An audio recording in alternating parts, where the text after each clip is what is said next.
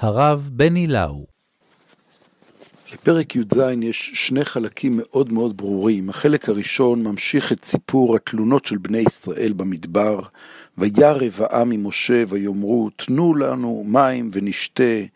עושים מריבה, צמאים, צועקים, בסופו של דבר משה מכה עם המטה אשר בידו על הסלע, ויוצאים ממנו מים, ויקרא שם המקום מסע ומריבה על ריב בני ישראל, ועל נסותם את אדוני לאמור, היש אדוני בקרבנו עם עין. עד כאן החלק הראשון, ואז פסוק ח' פותח את החלק השני, מלחמת עמלק, ויבוא עמלק, וילחם עם ישראל ברפידים. ואז התיאור של המלחמה, יהושע, ידיו של משה, עושות מלחמה, אחר כך הסיום של זכור זאת זיכרון בספר, כי מחו ימחה את זכר עמלק מתחת השמיים, והפרק מסתיים יד על כסייה מלחמה לאדוני בעמלק מדור דור.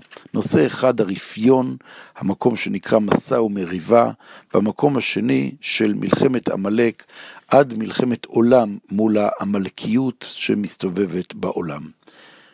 מה הקשר בין החלק הראשון לחלק השני? את השאלה הזאת שואל רש"י בפירוש שלו לפסוק ח' של ויבוא עמלק, וכדרכו הוא ישר עונה את התשובה, שמח פרשה זו למקרא זה.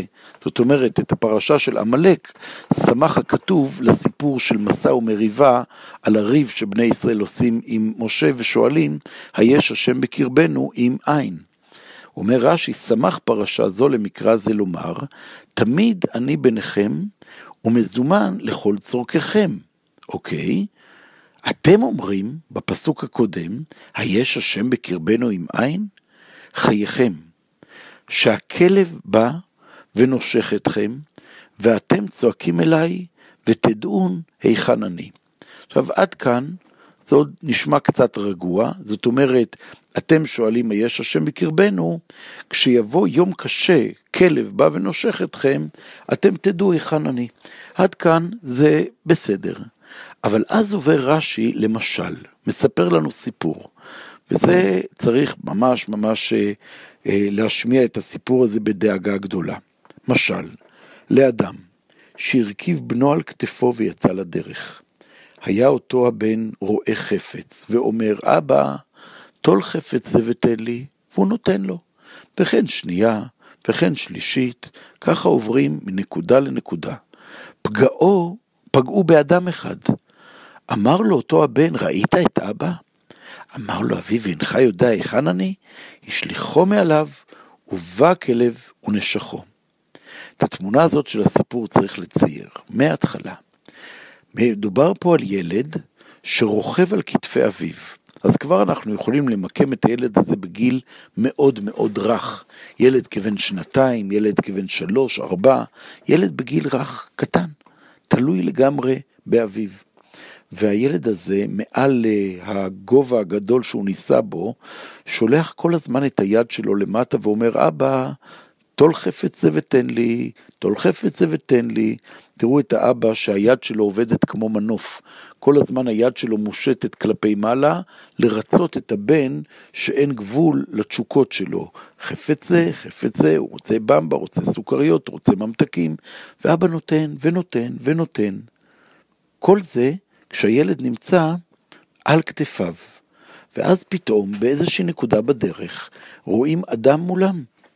וכשהם פוגשים את האדם, הילד שואל את האיש, אומר לו, ראית את אבא? עכשיו, למה הוא שואל אותו, ראית את אבא?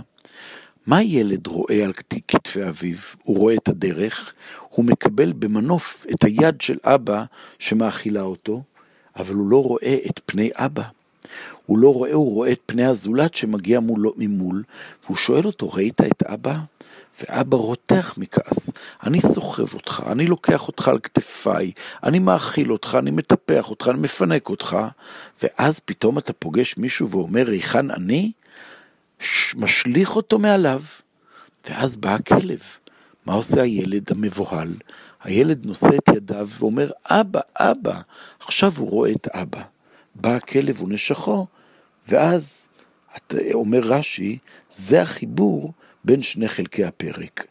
היש השם בקרבנו עם עין, זה הילד שהוא נמצא על כתפי אביו ומרשה לעצמו לומר לפנים של הזולת, איפה אבא? אבא כל כך כועס, משליך אותו ואומר ויבוא עמלק. ואז נושא ישראל את ידה, נכון, משה עם ידיו למעלה, וכאשר ירים משה את ידיו, אז גבר ישראל. זאת אומרת, וכי ידיו של משה עושות מלחמה?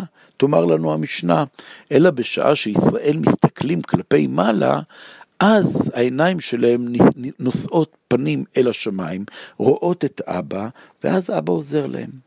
זה רש"י, זה המדרש, ואני שואל, מה זה אומר על טיב היחסים בינינו לבינו?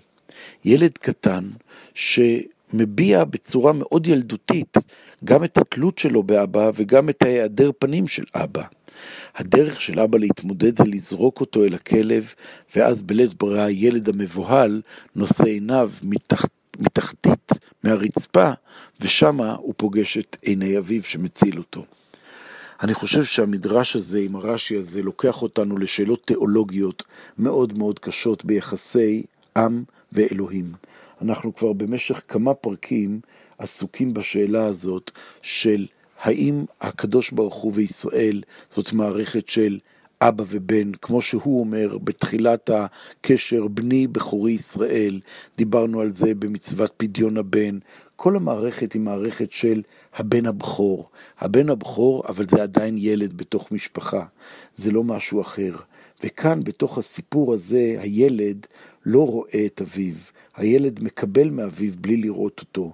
מה עושה? האבא זורק אותו. אולי במקום לזרוק אותו, האבא צריך לקחת אותו מהכתפיים ולשאת אותו כנגד החזה.